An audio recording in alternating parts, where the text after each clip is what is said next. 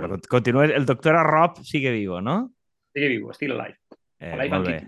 Bueno, la, la pregunta genèrica per a començar este, este programa i que l'audiència entenga de què va és eh, se'n va la sanitat pública valenciana a la puta merda? Sí, no? I més o menys que Madrid. O sea, perquè... Justifique su respuesta. Justifique su respuesta. Co comença qui vulga. Eh, crec que la resposta és sí, no? Que sí, clarament sí. Eh, no sé si hi ha un col·lapse total, però sí hi ha una degradació eh, bastant marcada. I a més l'estem veient, no? la gent a peu de carrer la, la percep clarament. Eh, millor o pitjor que Madrid? Però quan, quan ho parlem so- sol dir un poc de, de broma, però crec que és així, que la diferència fonamental que tenim en Madrid és que Ayuso és imbècil. I aquest nivell de prepotència que té no? en, en, en com s'estan enfrontant les problemàtiques és pot ser una de les diferències més importants. No vol dir que així no existisquen, sinó que, que bueno, aquesta agressivitat no és tan, no, no és tan present. No? Diríem que este és l'element eh, principal que ha fet que, per exemple, si no hi hagi ningun tipus de moviment dient contestatari o, o són els metges així més sacrificats i creuen més en, en que ascendiran al cel si segueixen passant consultes a pesar de no cobrir baixes. O en Ximo Puig, el que vulgueu. Qui, què, què penseu? Jo crec que així no estem tan bé com parells, vull dir, com mos, o mos volen vendre... Vull dir, això de dir que així no estem com Madrid, bueno, Però, Maria, tu creus, tu creus que algú... És a dir, tu creus que realment algú ens ha venut que estem, que estem millor? Però jo no tinc aquesta sensació. És a dir, jo el que veig és que estan més tranquils perquè sembla que no s'està merejant res, però no, sense, no necessàriament perquè la situació siga positiva o tinga alguna cosa a salvar. me dona la sensació de que, de que enfoquen la càmera molt a fora, com dient, mireu que mal estan allí. Sea, no és no estem mal així, sinó que mal estan allí. Però si, si enfoquem la càmera cap a nosaltres, eh, hi ha molta cosa molta, molta que rascar. Ahir vaig estar, bueno, vaig estar veient fa poc un, un programa d'apunt que van fer un zoom sobre, sobre sanitat, un poc per veure què era, què era el que se comentava i un poc, o sea, pinten una situació roïn, perquè sí que és de veres que sí tenim una situació roïn, però pinten la de Madrid com a catastròfica i jo penso que així, en la comunitat valenciana, fa molts anys que estem mal. Fa molts anys que estem mal i no, ni, no tinc la sensació de que n'hi hagi de que n'hi hagi un, un moviment per al canvi i, i no tinc molt bé, o sigui, no tinc clar per què tampoc ens estem manejant molt. Jo crec que, que sí que és de veres que, o per almenys en els últims anys, el, la classe mèdica parla de, medi, de metges, perquè realment altres parts de, del sistema sanitari sí que s'han manejat. No ens veig un col·lectiu massa contestatari, la veritat. Bueno, eh, o sigui, jo penso que se mos queda una miqueta abstracte, no? Perquè parlem d'un malestar en, en la medicina, però no estem parlant de quins són els, les coses que estan fent que, que sospitem que el, el sistema se'n vagi a la merda. No sé si, Enrique, aprofites tu per entrar i si n'expliques una miqueta també quina és percepció teniu i bueno, aneu contestant-se entre vosaltres també, no tingueu vergonya per, a, per Sí, això. un, un, una variable abans de que entre Enrique, no? Perquè Enrique, vull dir, tu vas ser com prou, que és el que parlàvem abans, com prou contestatari en temps del PP, el tema de les concessions, estos rotllos, i dir, vale, el botànic ja porta set anys i mig, eh, realment la cosa ha millorat o, o, o ha anat a pique? Vull dir, que crec que és la- un poquet la pregunta implícita, no? Comparant No, en Ayuso. La pregunta, la pregunta implícita és això, és a dir, l'any que ve farem 8 anys de botànic i hem de preguntar-se si realment es nota la diferència. Notem la diferència? Llevar de la primera legislatura la consellera Montón quan va revertir el model Alcira, que no ho va revertir, el que va passar en el model Alcira pràcticament és que va, es va esgotar el contracte i vam decidir, òbviament, eh, eh, tornar-lo a la gestió pública en els problemes que ha portat, perquè van tindre que crear una empresa pública, de, bueno, van, el problema és sobretot del de nivell de personal. Però, llevat això, trobem alguna diferència en la gestió? Mm, N'hi ha hagut algun canvi de model radical en la gestió, en la gestió sanitària? Jo crec que no. També és cert que en el seu descàrrec hem de dir que hem tingut una, una pandèmia, i això, clar, la legislatura de Barceló, de la consellera Barceló, s'ha enfrontat a una pandèmia, una pandèmia mundial, i això, òbviament, dificulta les coses. Però si llevem lo de la pandèmia, el canvi de model o el, o el suposat canvi de model no ho hem trobat. De fet, llevat d'Alcira, les concessions, n'hi ha concessions que no s'han retornat, per exemple, les ressonàncies encara continuen sent privades i per molt temps. I, i el canvi de model, deixant de banda el model hospitalocentrista a un model més encarregat en la en l'atenció primària, no l'hem vist, no l'hem vist. Perquè no lluís, a lo millor, dir que has obert un, un centre de salut i lluís molt, més, molt més dir que has obert un hospital supergran i superxulo i supermolongo. O sigui que jo, per tant, no veig canvi. Jo no veig canvi.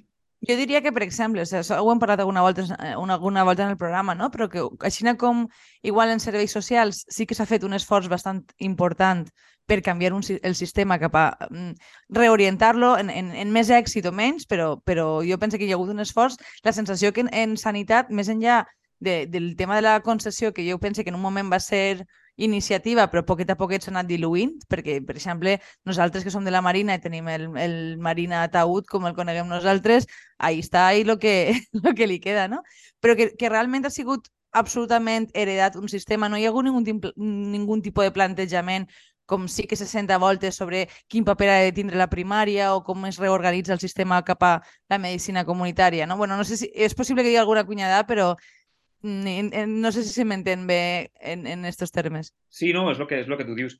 És, és a dir, que jo veig que no n'hi no ha hagut cap canvi. No, I clar, no es pot criticar. La pandèmia, òbviament, és un, és un element que s'ha de tindre en compte, però és que llevat de la, de la reversió de la concessió del CIRA no s'ha fet molt més.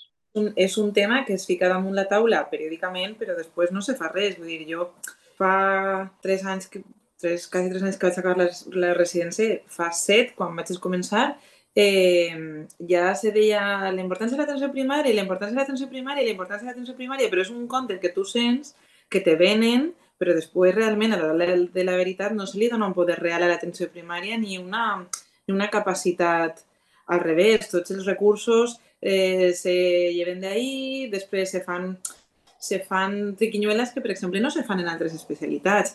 Aleshores... Com per exemple? Crec, pues, per exemple, eh, contratar, eh, o sea, per exemple, en el sistema de salut que tenim, normalment un metge especialista hospitalari té que passar per una, un procés formatiu de 4 o 5 anys segons l'especialitat per a poder treballar com a adjunt. En l'atenció primària no està passant això. Hi ha gent que treballa en especialitat i hi ha gent que treballa sense especialitat. A ningú se li ocorreria eh, contractar un, un cardiòleg, per exemple, que, que no tinguera l'especialitat de cardiologia, però això no passa quan parlem dels metges de, de família. Aleshores, eh, això fica en una situació als que les persones que sí tenim l'especialitat i a les persones que no la tenen i estan treballant també els està ficant en una, una situació molt compromesa perquè moltes vegades també laboralment se'ls exigís coses i se'ls obliga pràcticament a fer coses que, que realment no tindrien per què passar per aquest forat. Aleshores, el que no pot ser és que se'ns plene la boca de parlar de l'atenció primària l'atenció primària, l'atenció primària, després, a l'hora la veritat, l'atenció primària eh, és la més ningunetja de totes les especialitats mèdiques. Vale, jo, jo hi veig una, una cosa que, diguem, és, és una contradicció no? entre el que dius tu, Maria, en quant al tema de l'especialitat i que en quant als serveis socials que deia Andrea o el que portava educació, que al final no sé si tindrà a veure o no, no sé com ho veureu vosaltres, que és una cosa que portarà compromís o el PSOE, en termes de la influència de lo que ha tingut és sindicats i l'immobilisme. Vull dir, per exemple, eh, la Conselleria d'Educació sí que s'ha enfrontat als sindicats de, de profes en coses mm, marcades i una cosa que han fet tant en serveis socials com en educació és reduir les ràtios. O sigui, el tema de les ràtios i l'horari que feien els profes sí que s'ha reduït, però diguem, jo sí que veig una, una variable que és que ells sí que han clavat a gent rotllo, via difícil cobertura, gent que perquè també clavar a, a profes d'institut, per exemple, és relativament fàcil. Vull dir, la gent que té un màster de professorat d'un any, l'estaques cap a dins i abaixes la ràtio i tu tampoc preguntes ben bé si ho fa bé o no, tu veus la, la ràtio general. Però, clar, fer la, la mateix tipus de cosa en medicina entenc que és portar professionals de fora que no tinguin l'especialitat. Vull dir, creu que el... el que, crec que és alguna volta, en, en Ferran sí que em parla d'això, no? Vull dir, creu que eh, la, el tipus de gent i quanta gent entra a la residència és la, la gran variable ahí eh, per a cobrir places? Vull dir, com, com afecta això a la possibilitat de reduir ràtios i personal? No? Perquè n'hi ha les dues coses, com que falta personal i al mateix temps que no pots clavar personal no qualificat. Crec que o sea, el problema és que el personal que se contrata no és personal no qualificat, és personal no qualificat per a aquesta especialitat. És a dir, és gent que sí s'ha format com a metges en altres puestos i té altres especialitats. Però com els processos d'equiparació dels títols són tan llargs i tan costosos, moltes vegades és molt més fàcil treballar de, de metge de família perquè se permet aquesta opció. Perquè com no n'hi ha gent que vulgui treballar en una especialitat eh, que realment, socialment, dona la sensació de que està poc valorada i entre els companys mèdics tampoc és que siga l'especialitat millor valorada. Vull dir, i, i no sé, entre el públic general, jo, per exemple, me vaig sorprendre molt quan vaig triar l'especialitat con conocimiento de causa i en ma casa me van preguntar que per què la triava i si no volia triar alguna altra cosa. És que, a veure, no sé si penseu el mateix, però a mi sempre m'ha fet la sensació de que dintre de, de els metges n'hi ha un esnovisme que flipes respecte a quan més tecnicitat, més reconeixement i més valorat està, més, com més listo eres. Eh, només la gent que... O sigui, és una miqueta com la idea que la gent té de la primària dintre del sistema educatiu. Si no vals per a professora, clavat a, a mestra, que segur que, que així no, no, no has de fer feina, no? Vull dir que crec que, que dintre, són els propis metges els que, en certa manera, reforcen aquesta idea diguem, mala de, de, del paper que quan jo penso que probablement un metge en, en, en primària és de les coses més importants que hi ha, perquè al final és qui, qui és la primera porta d'entrada i qui haurà de derivar si fa falta qualsevol altra cosa i has de saber més Bueno, no sé si voleu eh, eh intervindre, en, en, Enrique, que veig que apunta la pantalla. Has dit, una cosa, has dit una cosa que un metge de capçalera detesta. Y es que ellos no son la puerta de entrada del sistema. Un metge de Ah, capçalera mira. és, és el sistema. I ese és l'error que percep, que percep la gent. Pensar que el metge de capçalera és una porta. No, el metge de capçalera és el sistema. I la resta, els que estem en l'hospital, com jo, som eh, com els, col·laboradors, els col·laboradors. Nosaltres estem per ajudar a aquesta gent, que són la, el, el sistema. Ells són el sistema. Dir que és una porta al sistema és una manera de denigrar-lo, perquè és com dir, tu eres el portero. I el portero és el que més o menys en deriva. Ah, no, el teu problema és cardiològic, tu te'n vas al cardiòleg. El teu problema és reumatològic, te'n vas al reumatòleg. No, no, no, no t'equivoques. Nosaltres estem per a la nostra funció. El que passa és que aquesta estructura de sistema no n'hi ha pedagogia, falta molta pedagogia per explicar-la, no només als professionals, sinó també a la gent, de dir, escolta, no, és que el sistema és este. No? No sé si els meus companys volen dir alguna cosa al respecte, però és que jo quan sent de la porta al sistema em posa els nervis. Jo, jo, jo sé, sé que una metàfora tan patxutxa ja matat a Maria, que no sé si crec que me, me l'he carregat, però bueno, que vaja, que jo pensava que la porta una part important de la casa, però bé, no, no passa res, me la como. Si no, si no està ben feta l'analogia, me... És un, és un, crec que és un molt bon apunt. Eh, no, no, no, és no és cap error greu, eh? és una qüestió que està molt, està molt, està molt estesa, aquesta visió. I és, és segurament pues, eh, un dels símptomes de, del problema, que és exactament el que està dient Enrique. No? Eh, lo que comentava Maria, que va un poc, és, és tot un poc la mateixa bola, no? Eh, un aclariment, un aclariment per, per la gent que potser no estigui molt ficat, perquè és una cosa que a vegades sorprèn. La gent que treballa als centres de salut eh, fent medicina, no? la, la, les, les especialistes en medicina familiar i comunitària, eh, han fet una especialitat i estan especialitzats en medicina familiar i comunitària. I són quatre anys d'especialitat actualment. Val? que és el mateix que fa un cardiòleg, que pot fer un hematòleg, que pot fer... Val? Per tant, eh, estem que a banda de la carrera ha passat per un procés. En el moment, i sé que, que està, és una cosa que passa de fa, de fa molts anys, però que ara s'està incrementant més, que tu cobreixes aquestes places d'especialista en medicina familiar comunitària en gent que no ha fet aquesta formació especialitzada. Com a que li dones menys valor, no? Dones menys valor i, i estàs rebaixant el nivell. Vale, i, i la, la, meva, la meva pregunta és, eh, per què per què és així? És a dir, per què s'estan cobrint places en, en altres especialitats? On, on, on està la, la errada? O sigui, evidentment és una errada, no? Però per què, per què passa? És a dir, és que no hi ha prou professionals? És que simplement no se li dona importància? Per on van els tirs? Claro, a veure, eh, el problema de falta de metges, o que aparentment és el problema de falta de metges, perquè realment no n'hi ha un problema de falta de metges, la gent que és en la tele comentant-lo sempre intenta solucionar-lo dient pues que s'obriguen més universitats. Eh, en Espanya tenim universitats de medicina per damunt del nostre cap, vull dir, n'hi ha moltíssima gent que s'ha format en medicina. El problema és que després la gent que té que treballar en el sistema sanitari, en el nostre sistema sanitari, té que passar un procés de selecció que és l'examen MIR i després els anys de formació segons l'especialitat que hagi triat.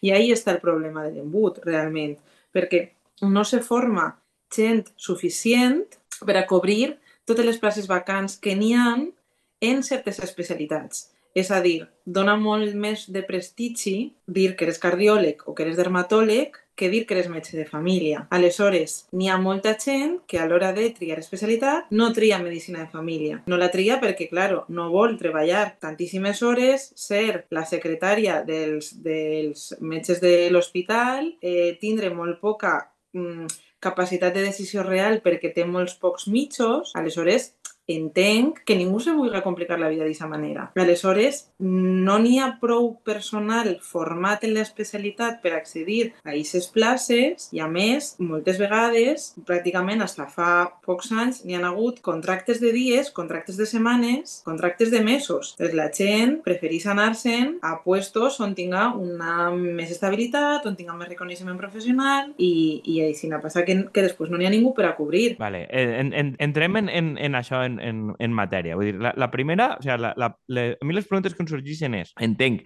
que altres especialitats es cobren més, diguem en la pròpia pública, eh, és, és la, la, diguem, la, la primera pregunta que vos faig. Eh, la segona, és a dir, hi ha realment un superàvit de cardiòleg? O sigui, per, per dir una especialitat de les que heu citat, és a dir, està havent un dèficit de metges de família i un tema d'un superàvit de cardiòlegs o altres especialitats, és a dir, que estan movent-se on no toquen, hi ha superàvit d'altra gent. Abans de començar a gravar, Enrique apuntava alguna cosa d'estes. I la tercera és el tema de el tema de la privada, no? que crec que és, crec, crec que és important i és tocar el, el, les coses. Enrique fa, està fent molta cara reflexiva, de manera que...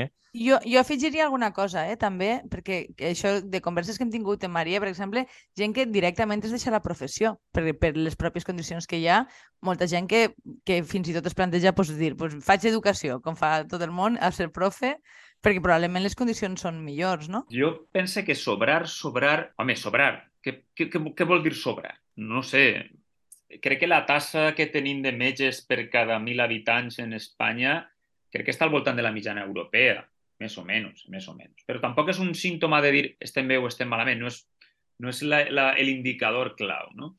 Jo el que penso és que és cert que sobren cardiòlegs, al final així el que passa és que si jo vull potenciar el meu sistema sanitari en un, en un sistema basat en l'atenció la, primària, òbviament, falten metges de capçalera, falten metges de primària. Però, clar, si el meu sistema el considera com la puerta d'entrada i el que jo vull que és que la gent vagi a l'especialista, el que arribarà un moment és que nos fal, falten especialistes. Però ara per ara, jo crec que especialistes en els grans hospitals de les grans ciutats valencianes no falten, inclús sobren sobren. El que trobem és una carència en hospitals provincials o en hospitals xicotets. Més que res, però són puestos de, de, de, de complicada cobertura. No sé, Kiko, tu saps per Dènia. Fer faena en Dènia tenen problemes en, en l'estiu per contratar gent. Perquè, clar, una persona té que anar a viure a Dènia o té que anar a viure a... a... Entonces, clar, n'hi ha problemes a lo millor de cobertura en alguns puestos, però no crec que sobrar, sobrar. Pues, home, jo veig que ara, ara per ara, en, la, en lo que és la ciutat de València o les ciutats grans o Alacant, sobre, sobre especialistes, bueno, no és que sobren, però tampoc passaria res per formar menys, eh? El que passa és que el sistema mai s'ha preguntat, no mesura aquests indicadors. No veu a 10, a 10 anys a la vista el que, lo que li faltarà o el que no. O, lo que, o, o en funció de quina és la teua missió o la teua visió com a sistema, què professionals tens que formar. Més o menys la formació, no vull trencar un mite, però la formació de residents moltes voltes funciona perquè el servei se li passe per, per l'art del triomf, eh, doncs vaig a cridar un resident més perquè faça la faena. Així, així no vos ho dic, eh? N'hi ha comissions de docència que diu, no, mira, escolta, tu ja tens prou en tres residents a l'any. I n'hi ha altres comissions que diuen, barra libre. Per què? Perquè, òbviament, un servei pot viure en residents molt millor que viure en facultatiu, més barats, els No, és a dir, no sé si manteneu la, la, la, la, bueno, la, història, la metàfora, però que, que, clar, és que la formació de residents les places no veïxen a un indicador que jo vaig a controlar, és més o menys un, una espècie d'arreglo entre, els, entre els serveis. Jo veig així, eh? Jo, jo crec que totalment estic, estic molt d'acord. Eh, especialistes, falten especialistes, falten eh, especialistes en medicina familiar i comunitària? Doncs pues depèn. Depèn. El que sí que crec que és cert, i és una cosa que a vegades se mos olvida, i va un poc en la línia de la falta de planificació, el problema fonamental és que no hi ha pla. No, no hi ha pla. Eh, els metges de família que se, se formaven fins eh, a dia d'avui pues, servien més o menys per anar aguantant el model que, eh, cap al que estàvem anant. El problema és que a cinc anys vista, en què se mos jubilarà entre el 10 i el 20% de les plantilles, perquè hi ha, un, hi ha un percentatge poblacional molt alt que està per damunt dels 55 anys ara mateix, quan això arriba, que és la segona generació d'especialistes en medicina familiar i comunitària, dels que van entrar a, als 80-90 a treballar, quan aquesta gent se mos jubile, eh, sí que no hi haurà, hi haurà un dèficit absolut d'especialistes de, en medicina familiar i comunitària. I això és una cosa que no es prevent. i no s'està prevent i, i la, el problema, com deia Maria, no té res que volen augmentar places d'universitat. El problema està en la formació d'aixòs especialistes una vegada acabat el grau, que és on està eh, l'embut actualment. O sigui, que sí que sobren cardiòlegs, és una miqueta la, la conclusió, no? Vull dir que voleu, voleu, no voleu quedar mal en ningú, jo sé, que, que voleu fer-ho, però ja, ja, si sentiu este programa sabeu que te, anem a clavar-nos en tots els marrons possibles. Aleshores, però com es podria solucionar això? O no teniu idea? A mi m'interessa que contesteu això i que després, si de cas, parlem també de... Tornem una miqueta al tema de per què no, així no han saltat les coses. I, bueno, Maria, volies eh, intervindre, digues. Sí, no, m'agradaria comentar que és que estem parlant així tot el rato que eh, d'un sistema sanitari basat en el metge. I el problema és que eh, el sistema sanitari hauria basar-se en molt més professionals que no estem tenint en compte i donar-los molta més, eh, molt de, més de en el desenvolupament normal del sistema que alleugeria molt la pressió. Perquè moltes vegades en les consultes estem fent coses que no, que no, o sea, no es que no ens corresponguen, és que realment no és algo, pues no és algo de la nostra especialitat. Vull dir, moltes vegades estem fent coses burocràtiques o estem intentant donar nocions sobre coses en les quals mai ens formen ni en la carrera ni, en la, ni durant l'especialitat perquè no són coses mèdiques. Entonces, estem partint d'un model molt paternalista basat en el metge, en el metge de tota la vida, que el metge li diu a la persona el que té que fer i pensant que el tema de la salut de la persona depèn del metge, quan realment la salut de la persona ni depèn del metge ni moltes vegades depèn del, del, de lo que és el sistema sanitari en si.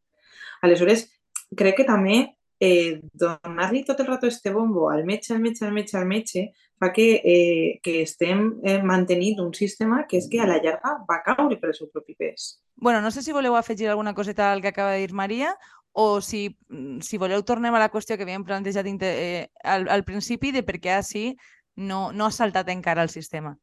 Jo, jo volia fer una... bueno, aquesta pregunta que fas és molt interessant. De dir, jo més que res penso... Lo... Quico ha dit una cosa abans molt interessant. Dia com en, en educació el, la conselleria s'ha enfrontat als sindicats i en educació s'han vist resultats. Però així és tot el contrari. Així la Conselleria de Sanitat no només no s'ha enfrontat als sindicats, sinó que els ha clavat dins dels equips gerencials i directius. ¿vale? Però, òbviament, per les afinitats polítiques. I això és el problema, que no n'hi ha un clima contestatari, bàsicament perquè, llevat de, llevat de la convocatòria de vaga de gener, que ja veurem com acaba, els sindicats majoritaris no s'han oposat mai a la gestió del botànic. Jo no he trobat cap declaració en contra. Eh, I clar, és com si haguérem fet una pax romana implícita. Així ningú diu res i així no passa res i així no passa res. I aquesta és la diferència principal en Madrid. En Madrid tu tens una posició sindical i política molt forta, Ayuso, mentre que així tot el contrari. És més, si tu dius alguna en contra de la gestió del botànic, estàs fent el juego a la, estàs fent el juego a la dreta. Entonces, clar, jo, això és, la, això és un matís molt important. Així els sindicats majoritaris no diuen res. I els mitjans de comunicació Mm, més o menys lo, més o menys el mateix. No estan dient molt, ara un poquet, però sempre són notícies molt suavitzades. Molt dir, bueno, és la pertinaz sequía, és la, la epidèmia de tots els anys, què, què le vamos a fer? És a dir, jo el que trobo és que no és molt complicat eh, eh, denunciar lo que n'hi ha quan tu, vamos, és que nades contracorrent, no? És a dir, n'hi ha molta més... O, no era com quan el PP, que en el PP sí que trobes una posició molt més forta.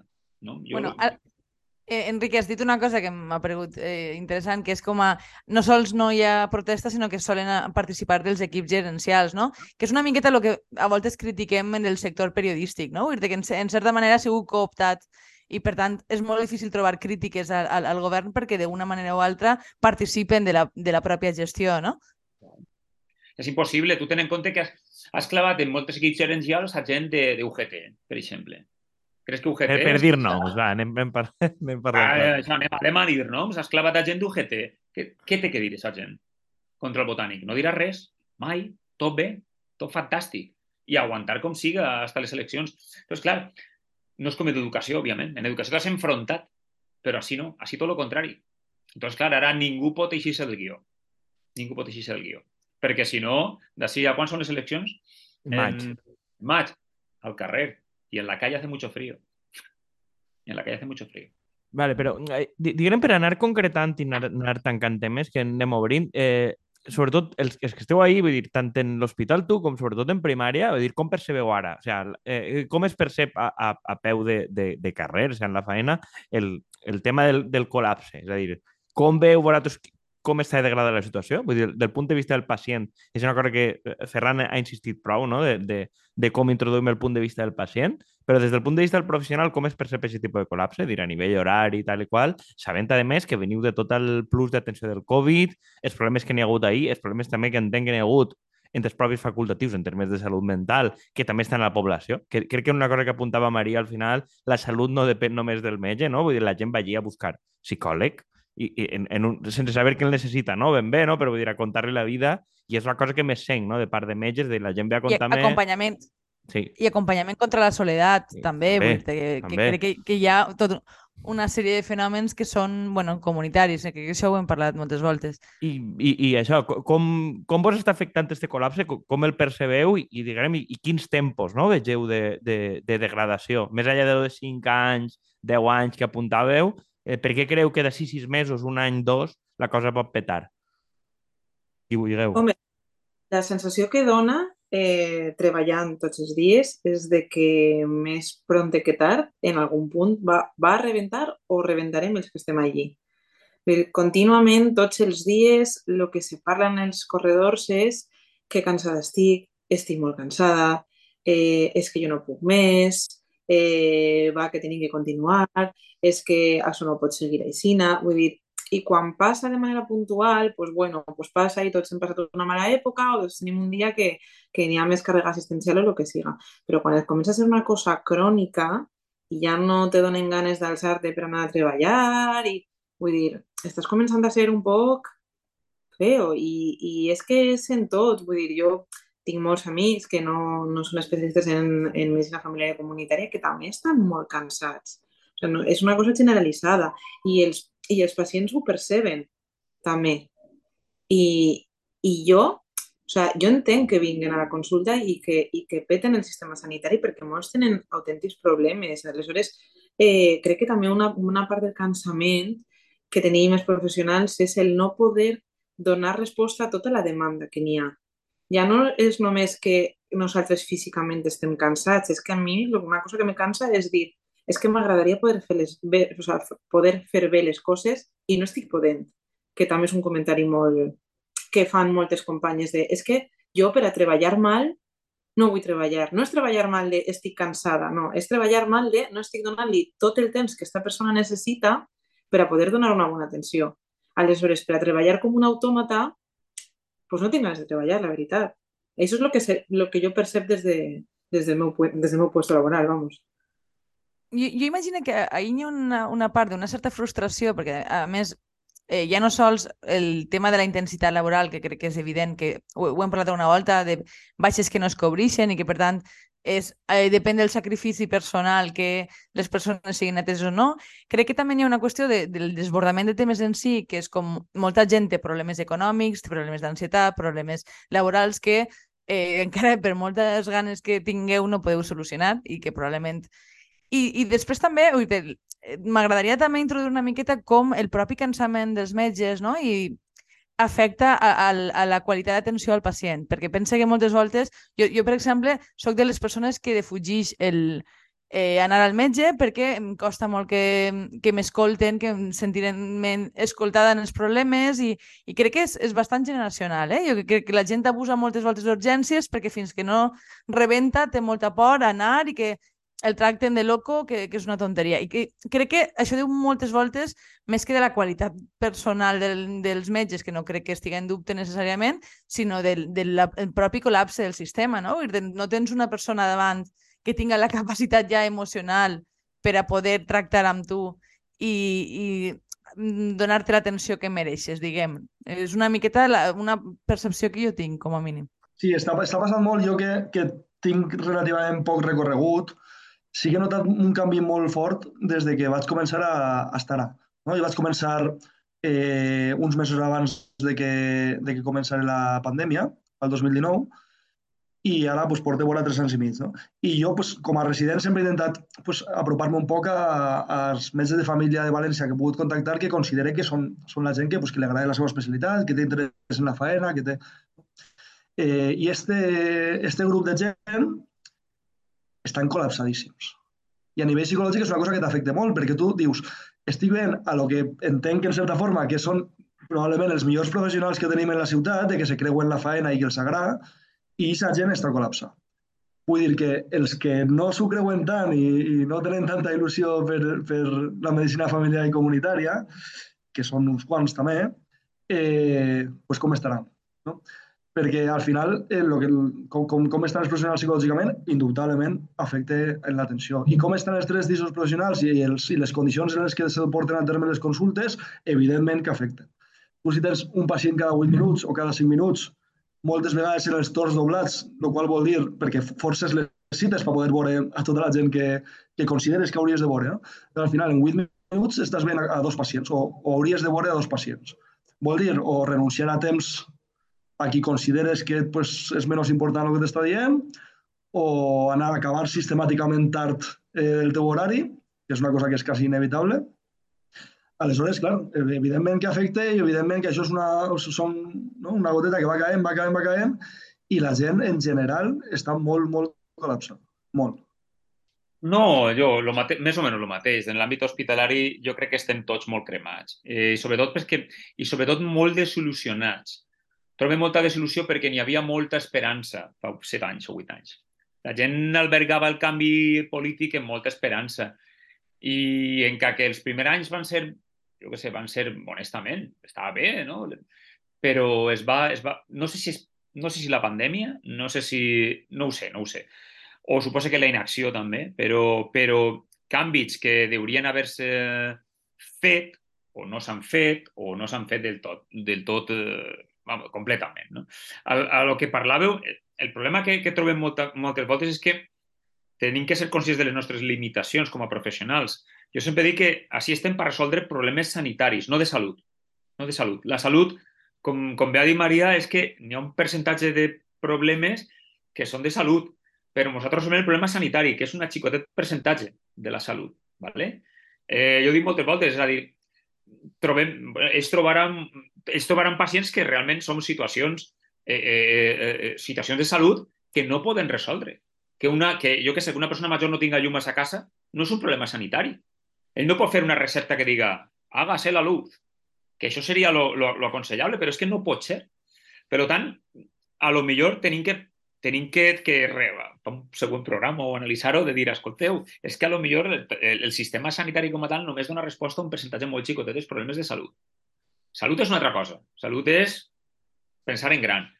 I així es va fer un pla de salut en el 2016-2000, a veure, va ser el pla salut que va fer la consellera Montón, del que no es coneixen els resultats encara. No s'han publicat.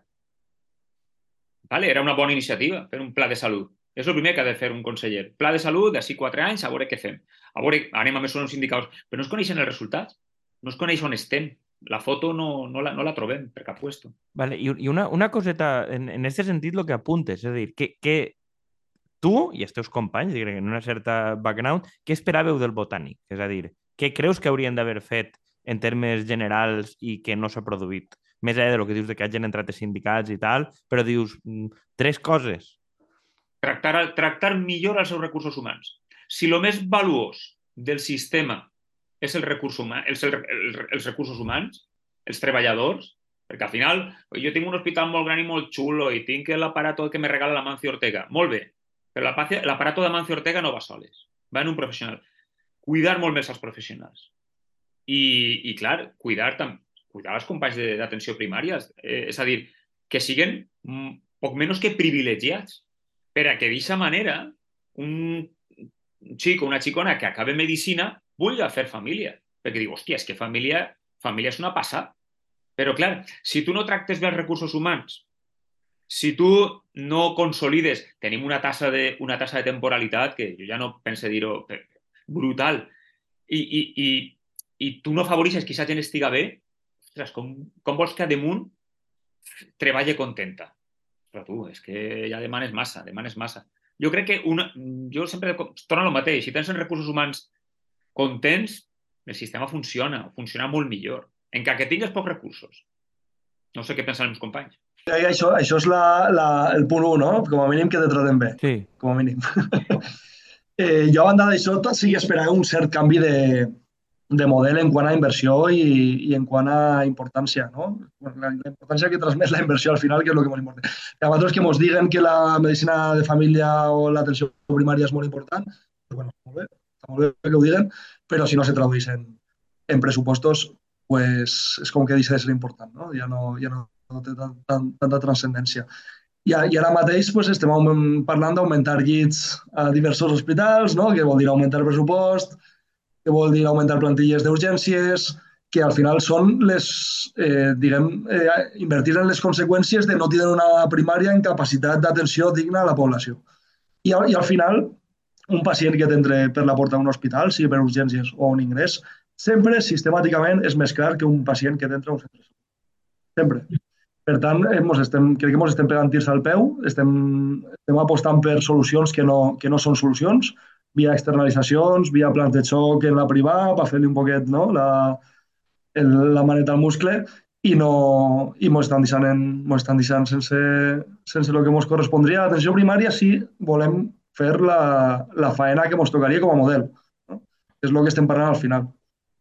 Sí, o sea, pense totalment com Ferran que al final eh, que al final estem intentant fer coses que lluïssen i no que són cost efectives. Vull dir, al final, la primària o invertir en atenció primària és prou cost efectiu perquè eh, no gastem o intentem no gastar. Si jo tinc temps i jo puc tractar bé un pacient, no necessite ni moltes proves complementàries, ni dur-lo a l'hospital, ni dur-lo a urgències perquè el puc manejar en sa casa que no gasta el sistema, el puc manejar en auscultant-lo i parlant en no fa falta que faci radiografies a gogo i, eh, i l'estic estalviant diners al sistema. Aleshores, eh, jo sí que, eh, o sea, no sé, dona la sensació un poc de, de, estic un poc decebuda en aquest sentit en el, que pensava que les coses anaven a, intentar ser un poc més cost efectives i, i, i bé per a la societat. Vull no,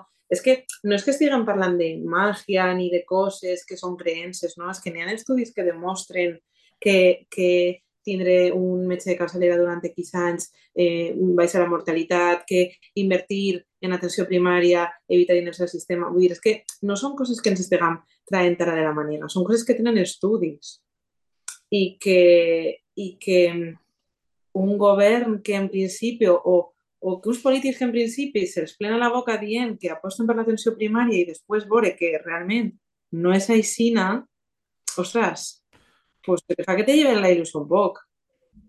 Però mm. no, és, no és això la definició del botànic en si mateixa. Vull També, sí. Que, realment no, no tinc la sensació de que siga un espai massa diferent, no? Però probablement és que té més càrrega que, que en altres cosetes. Claro, jo crec que probablement, o sea, no sé, crec que igual vam tindre més il·lusió que consciència no? quan, va, quan va vindre el canvi. Què vols dir en això? No, vull dir, vull dir que, que només pensar en un, en un canvi de govern suposa que ens va fer pensar que les coses realment, o a mi per lo menos, que les coses realment canviarien en més força millor.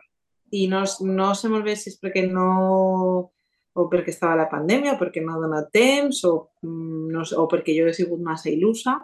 No sé si m'estic explicant, però no, no, he, no he vist ni m'he donat la sensació que veuré els canvis que, que, que pensava que s'havien promès. Sí, bueno, jo, jo crec que, o sigui, se t'entén perfectament perquè crec que o sigui, d'una cosa parlem Quico i jo constantment en este programa és de haver perdut la fe, no? I que crec que és una cosa que bé, que ja mos mm, costa, o sigui, hauríem de començar a, a tindre converses post-botànic que, perquè això ja està a punt d'acabar i se mos ha quedat molt curt, no? Bueno, no sé si, Quico, volies dir alguna coseta antes de que sí. anarem tancant o què? Sí, jo crec que per anar tancant crec que heu sigut molt políticament correctes i corporatius. Jo també ho pense. Eh, o sea, de, de, de, crec que ho feu poca sang i, i és fent un poquet d'advocat del diable, vull dir, de, vale, tractar millor a la gent, com diu Enrique, està molt bé, eh, tot això de salut i tal està molt bé. O sigui, jo crec que el, la qüestió de salut versus sanitat sí que dona per a un programa especial. És a dir, de, pensem de com dissenyaríem una cosa sobre el paper, però mm, diguem si avui ha d'haver un perfil de mobilització de mm, del sector sanitari, de pacients, etc. a mi em costa imaginar de tot el que heu dit vosaltres quines serien les tres reivindicacions més importants. Quin és el pla de xoc més enllà de sí, fan falta més centres de salut, que, o sigui, n'hi ha que contractar més gent a lo burro, d'on els traem, no ho sabem, a on hi ha que clavar pasta. Vull dir, quines són les tres mesures? Eh, a Madrid ho veig clar, a Madrid havien tancat centres d'atenció primària, volen que reobriguen i que n'hi hagi personal perquè no espiren. Diguem, vist des de fora, a mi em resulta fàcil d'entendre.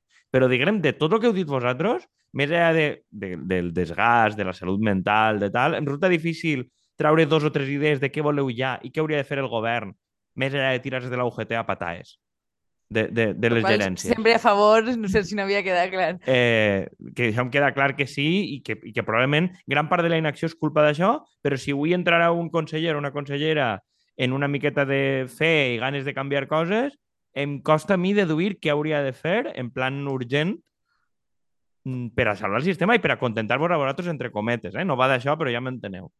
Sí, o sigui, per fer una miqueta el que diu Kiko, jo crec que hi ha una, una qüestió de, de sistema de mitjà i llarg termini, que és una de les coses que hem anat apuntant i tal, però a dia de demà què s'hauria de fer? O sigui, què necessitem per que no rebente tot ara mateix? Pues jo, per començar, demanaria més informació a la població. Vull dir, s'està gastant una pasta en fer anuncis i fa molts anuncis eh, des del govern, eh, jo he trobat molt a faltar des de fa molt de temps eh, informació sanitària als mitjans de comunicació públics i a, i a, les, a la informació pública que es dona. Vull dir, molts pacients arriben a, a les consultes molt, molt desinformats, per començar. Entonces, informem a la població realment de les coses que s'estan fent. Informem-los, per favor.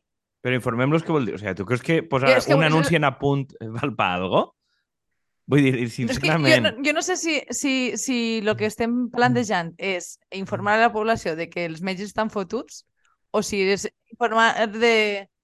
No, no, ho pregunto en sèrio, eh? Si, o, o si és una qüestió de eh, saber una miqueta de processos sanitaris en general, o sigui, de, de problemes metges, mèdics. Ui, és que estic molt incòmoda en este programa, eh? No sé si es nota, però bueno.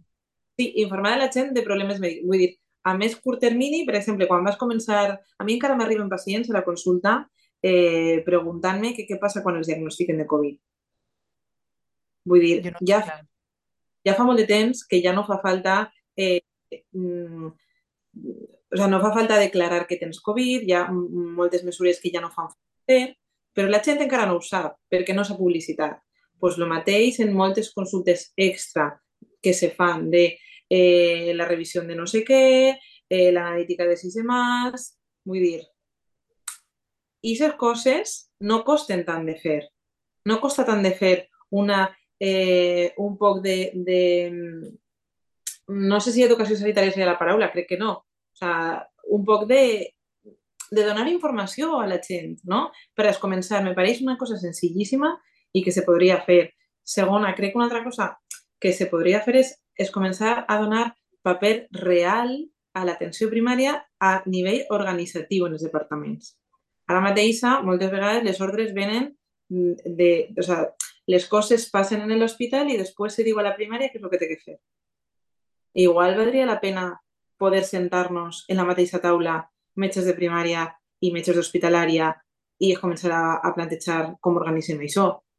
Vull dir, jo penso que per mi, de moment, aquestes mesures serien les més i després eh, el tema de, de les places MIR i de la, i de la, de la formació de nous professionals d'una manera eh, planificada respecte a les necessitats futures del sistema. Crec que són coses que, bueno, no, igual m'estic columpiant, però no me pareixen tan complicades de fer. Home, jo el que ha dit estic, estic, estic molt a favor. Eh, també, ja que aprofite per fer la carta a los Reyes Magos, pues, i ja, i com li agrada a Kiko, pues mira, primer que tot acabar en el gerencialisme. És a dir, hem d'acabar ja d'una volta en, en, en els gerents que són càrrecs polítics posats en el ditet, ¿vale? que no tenen que respondre a ningú menys que al partit. I això és molt important, més que res perquè tu t'has carregat tot el que és la carrera professional eh, directiva, és a dir, tu lo que deuria, la teua escola valenciana d'estudis per a la salut hauria servir per això, per a formar els teus de mando. Formar-los perquè en un futur foren els que dirigiren el teu sistema. Però si tu el teu, el teu, el teu sistema al final col·loques a l'amiguer de turno, col·loques al sindicalista que coneixes de no sé quimos, i pam, doncs, òbviament, quins resultats vas a demanar-li, no? I, o, i més que tot, que, més que res perquè no tenen ni pajolera idea de, de gestió moltes voltes però ni repajoleria de gestió. I clar, quan no tens el coneixement és molt complicat posar, eh, posar, eh, eh, posar solucions, no? Entonces, per lo pronto, clar, però aquesta medida és una, medida, una mesura a llarg termini, a molt llarg termini. Però clar, són coses que s'han de fer, alguna volta s'hauran de fer, alguna volta s'hauran de fer, és que si no, si no es fa mai, no, no avançarem. Esa jo la deixe, la deixe caure, la deixe caure. No sé si... Jo, jo crec que hi ha una, una, una, estic totalment d'acord en, lo que, en les coses que estan dient ells. Eh? De fet, crec que la, la llista de, de millores podria ser llarga. I una cosa que sí que veig urgent i que s'ha de fer, és, és, és per fer-la ja, i la notarem a, a, a mig termini, però s'ha de fer, és, és reestructurar la, la faena del, dels centres de salut. Eh? Ja vaig directament als centres de salut. Eh, crec que la gent que, que treballa en medicina als centres de salut fa un nivell de faena brutal que no és mèdica. Eh, jo alguns dies que ho he contat aquestes últimes setmanes, eh, entre 60 i 80% de les consultes que tinc molts dies són qüestions que no són mèdiques, que no tenen absolutament res que veure amb res mèdic, que són coses administratives, eh, i per tant això és, això és insostenible. O sigui, si estem en, en descrivint el, el moment en el que estem, necessitem un cos administratiu més potent, millor format i en capacitat de gestió d'aquestes coses. Val? Crec que això és una cosa que, que s'haurà de fer sí o sí.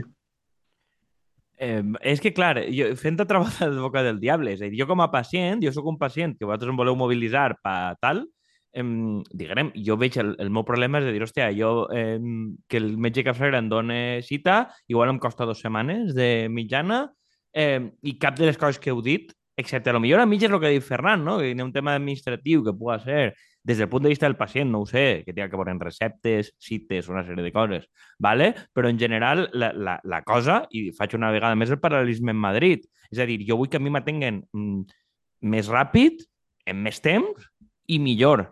Tant això com la possibilitat de que em deriven a l'hospital i que, i que per a, siga per a que m'operen, siga per a que m'atenguen, tarda X. I vull dir, i crec que cap de les coses que heu dit al final aborda la qüestió de la perspectiva del pacient i la queixa que jo sent com a pacient eh, té que veure els temps d'espera i la qualitat de l'atenció pràcticament tot el que jo sent, no? I això, diguem, el que dieu probablement en 5-10 anys es veu, o inclús en 2 en 3, però per a fer un pla de xoc de què passa, més enllà de derivar a la privada, que és el que fa el PP, no tenim un, un contraprograma. Chicos, que la pedagogia també comença a dir a la gent, explicar-li a la gent que en un sistema públic de salut les llistes d'espera són necessàries. Sí, sí, i tant. Punto. És que a lo millor la gent té que entendre que, oiga, que yo he llegado primero. Ya, vostè haurà arribat el primer, però vostè no està tan malament com està este que acaba d'arribar després. És que a lo millor la gent ja tenim que fer una pedagogia d'explicar de, què és un sistema públic de salut. I un sistema públic de salut no pot funcionar així, de llista d'espera cero. La llista d'espera cero no existe, perquè els recursos ja, no són... Ja estem en la... Jo no vull, jo vull uh, tallar-te una cosa. Dic, ja estem altra volta en que la consciència de classe ho soluciona tot. Jo no, és que crec que no és una qüestió única i exclusivament d'informació, sinó que quin, o sigui, no hi ha una manera de resoldre això. Jo, jo crec que en, no. en la línia del que apunta... Bueno, digues, digues, perdona. No, i l'altra cosa és que si jo no tinc un gest, uns gestors que miren uns indicadors, que veuen unes ineficiències en el sistema i que no fan tot el possible per resoldre-les, jo no vaig a cap puesto. Jo no vaig a cap puesto. És a dir, si no tinc... Això és, és el que han dit abans els companys. Està tot inventat. Si està tot inventat. Si ja sap, de, sap des de fa molts anys que la longitudinalitat en el, en el pacient és, és beneficiosa per a la seva salut. Si se sap tot. El que passa és que jo tinc uns gestors que, pues que, no, que, que no saben, que no coneixen molt i, a damunt, la seva capacitat de decidir coses és molt limitada. Se'n van a conselleria i en conselleria diuen tu a callar. I dic, pues jo a callar. Entonces, clar, si jo tinc gent que la gent que pot fer coses no les fa i, i, i a damunt també és cert que no li expliquem a la ciutadania també, perquè és important. Escolta, que un sistema públic és que és, és que, que bueno tener una mutua que jo me voy i m'atendre a la primera. Home, és que la mutua és una cosa i, i un sistema sanitari públic és una altra.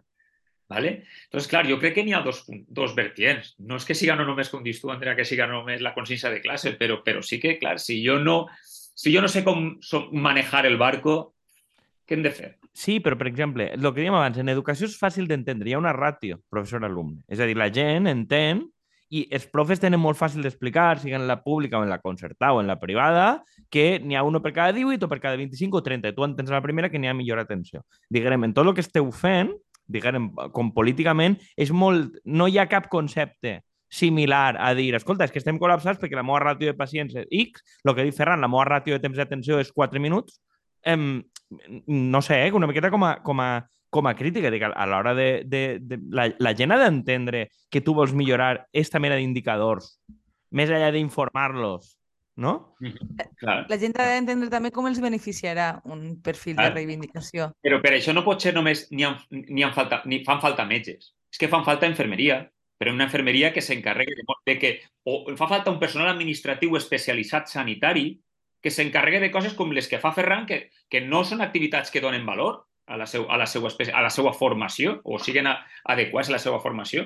Però, clar, això, això és canviar el sistema, això és dir, escolta, potser no fan falta tants metges, però sí que em fa falta més infermeria, em fa falta més, el que dic jo, auxiliars administratius, però molt especialitzats en sanitat, i es comencem a parlar de perfils, perfils laborals. Ostres, què estàs dient? Sí, perfils, anem a parlar de perfil. Necessitem un administratiu que tinga este perfil. Necessitem un infermer que tinga este perfil. Ja comencem, a lo millor, avançar a fer un sistema... És que portem les mateixes regles del joc en els anys 80. El metge, l'infermer, l'auxiliar, l'administratiu i el celador. És que és aixina. I arriba un moment que dius, escolta, som serveis ja complicats, són serveis que gestionem pressupostos molt grans. A lo millor deurien tindre una, unes, uns professionals més heterogenis. Per què no poden tindre dins d'un servei o dins d'un centre de salut no es pot tindre un, un jo què sé, un economista per portar les comptes? O, o, o por, és a dir, mm, un, no sé, el que, lo que estic dient és, intento explicar és que hem de fer coses noves. Òbviament, intentant fer lo mateix que en els anys 80, no trobar resultats diferents. No eixirà la cosa diferent. Doncs clar, la sanitat ja ha canviat. El que no pots, lo que no pots tindre és un metge fent un 70% d'activitats que no porten valor, que són activitats que podria fer un administratiu. Llavors, clar, mentre algú no canvi i diga, vale, perfecte, jo tinc que canviar el paradigma, però el paradigma és senzill, necessitem més metges. Pues bueno, jo no sé si ho veig així, lo veu així, o, o veu així, però, però no sé. Una, una miqueta tornant a lo de les llistes d'espera, d'espera, crec que connecta un poc el que acaba de contar Enrique en el que estava preguntant Kiko.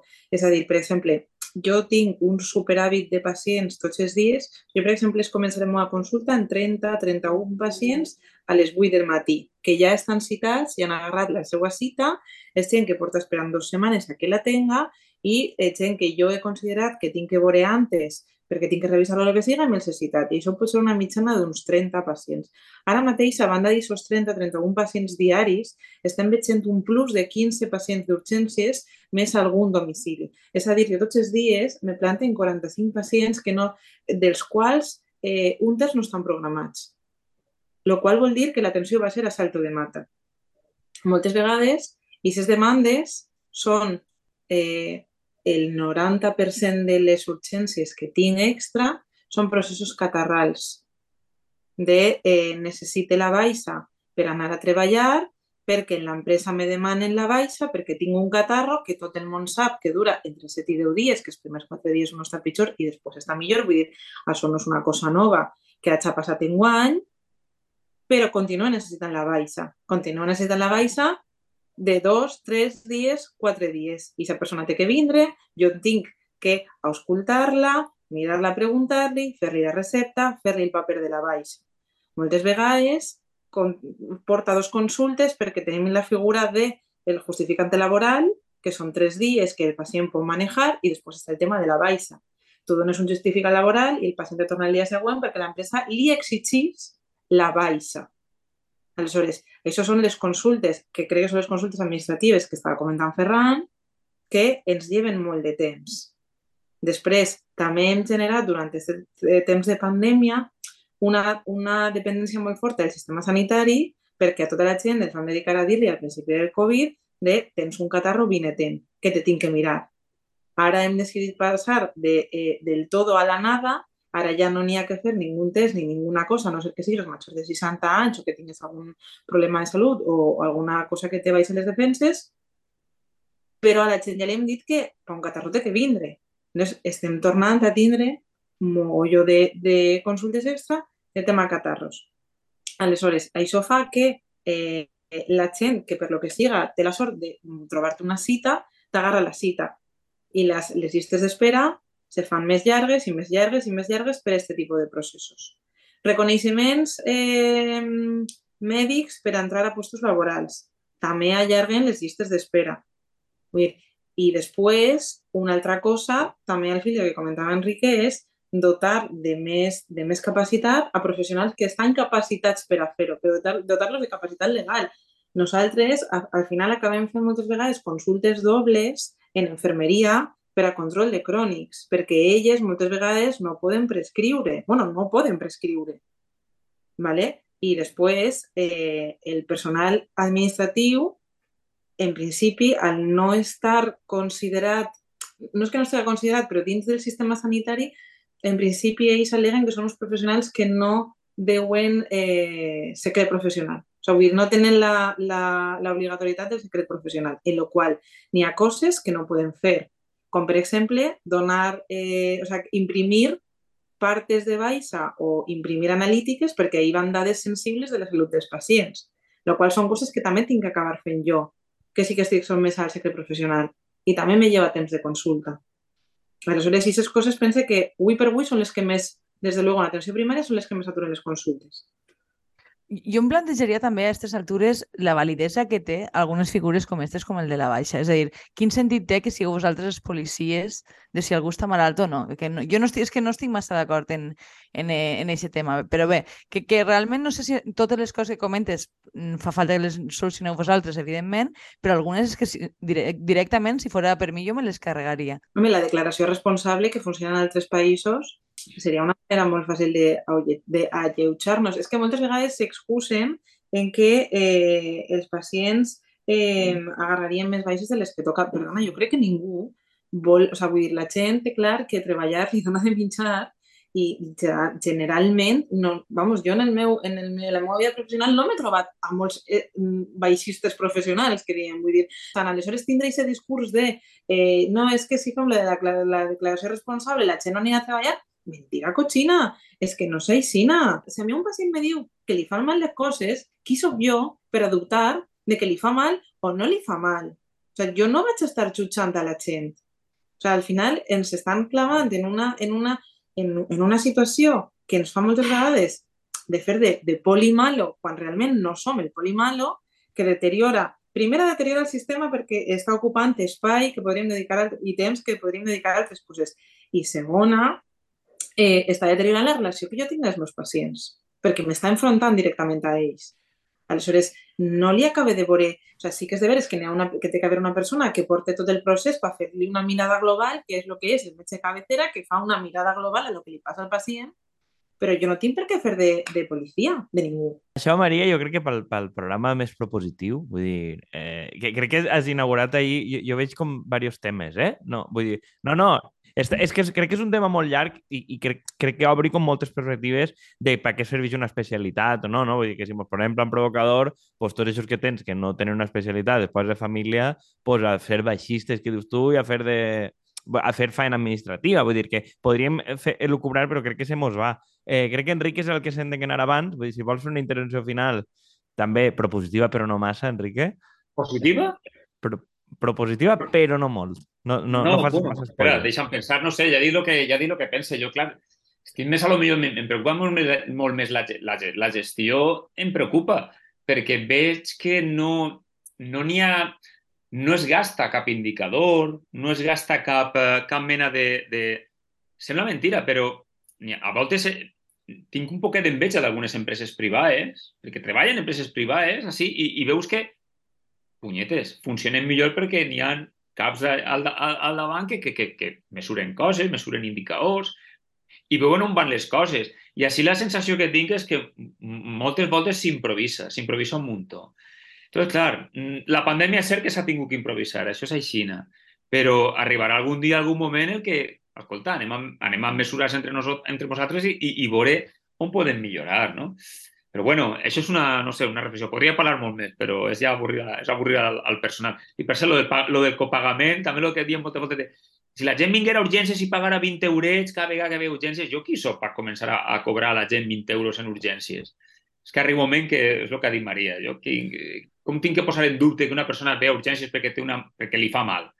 És que jo no sóc el policia de ningú. No sóc el policia de ningú, òbviament. I bueno, ja per a, com a, més com a conclusió i despedida, Ferran, i ja tanquem nosaltres. Sí, bueno, el, el que estem dient, jo crec que la situació eh, és de desgast durant molts anys, estem arribant a un punt que és crític, però alhora pues, pense que ens brinda un poc l'oportunitat de, que, de que hem de pensar que això s'ha de, s'ha de repensar, s'ha de reestructurar, i això també té una part positiva, no? que és que podem acabar en, tot, en tots aquests anys que no hi ha hagut cap pla, pues podem intentar, eh, aprofitant esta, esta situació de col·lapse, pues pensar què anem a fer a 10, 15, 20 anys vista i quin és el model sanitari que volem. D'això depèn tot al final. D'això i del... Bueno, a veure si el sistema sanitari col·lapsa abans de gener, com Ferran havia previst quan sentiu este programa, si veu que el vostre centre de salut està arrasat, eh, ja, ja sabeu que tenia raó. I si no, pues, jo què sé, mos anem ben, no? I parlant. Gràcies als tres i xerrem, xerrem pronte. I, I bon Nadal i bones festes. Sí, gràcies. Adéu. Adéu. Adéu.